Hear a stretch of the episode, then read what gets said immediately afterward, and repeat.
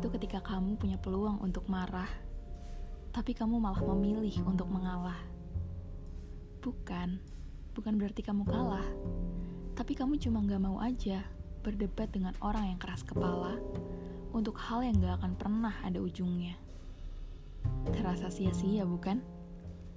Kadang ada kalanya dengan kita mengalah, justru kondisinya akan jauh lebih baik daripada kita mempertahankan argumen kita masing-masing. Mayoritas orang yang berdebat selalu ingin terlihat menang. Padahal nggak semua masalah bisa diselesaikan dengan berdebat. Sabar, mungkin terdengar klise, tapi percaya deh, dengan kita nggak mudah marah, kita bisa lebih bijak dalam menjaga sikap kita. Ya karena dengan mengalah itu, dengan kita memiliki sifat penyabar, kita mampu menerima kekurangan orang lain dan gak akan langsung menyalahkan orang lain.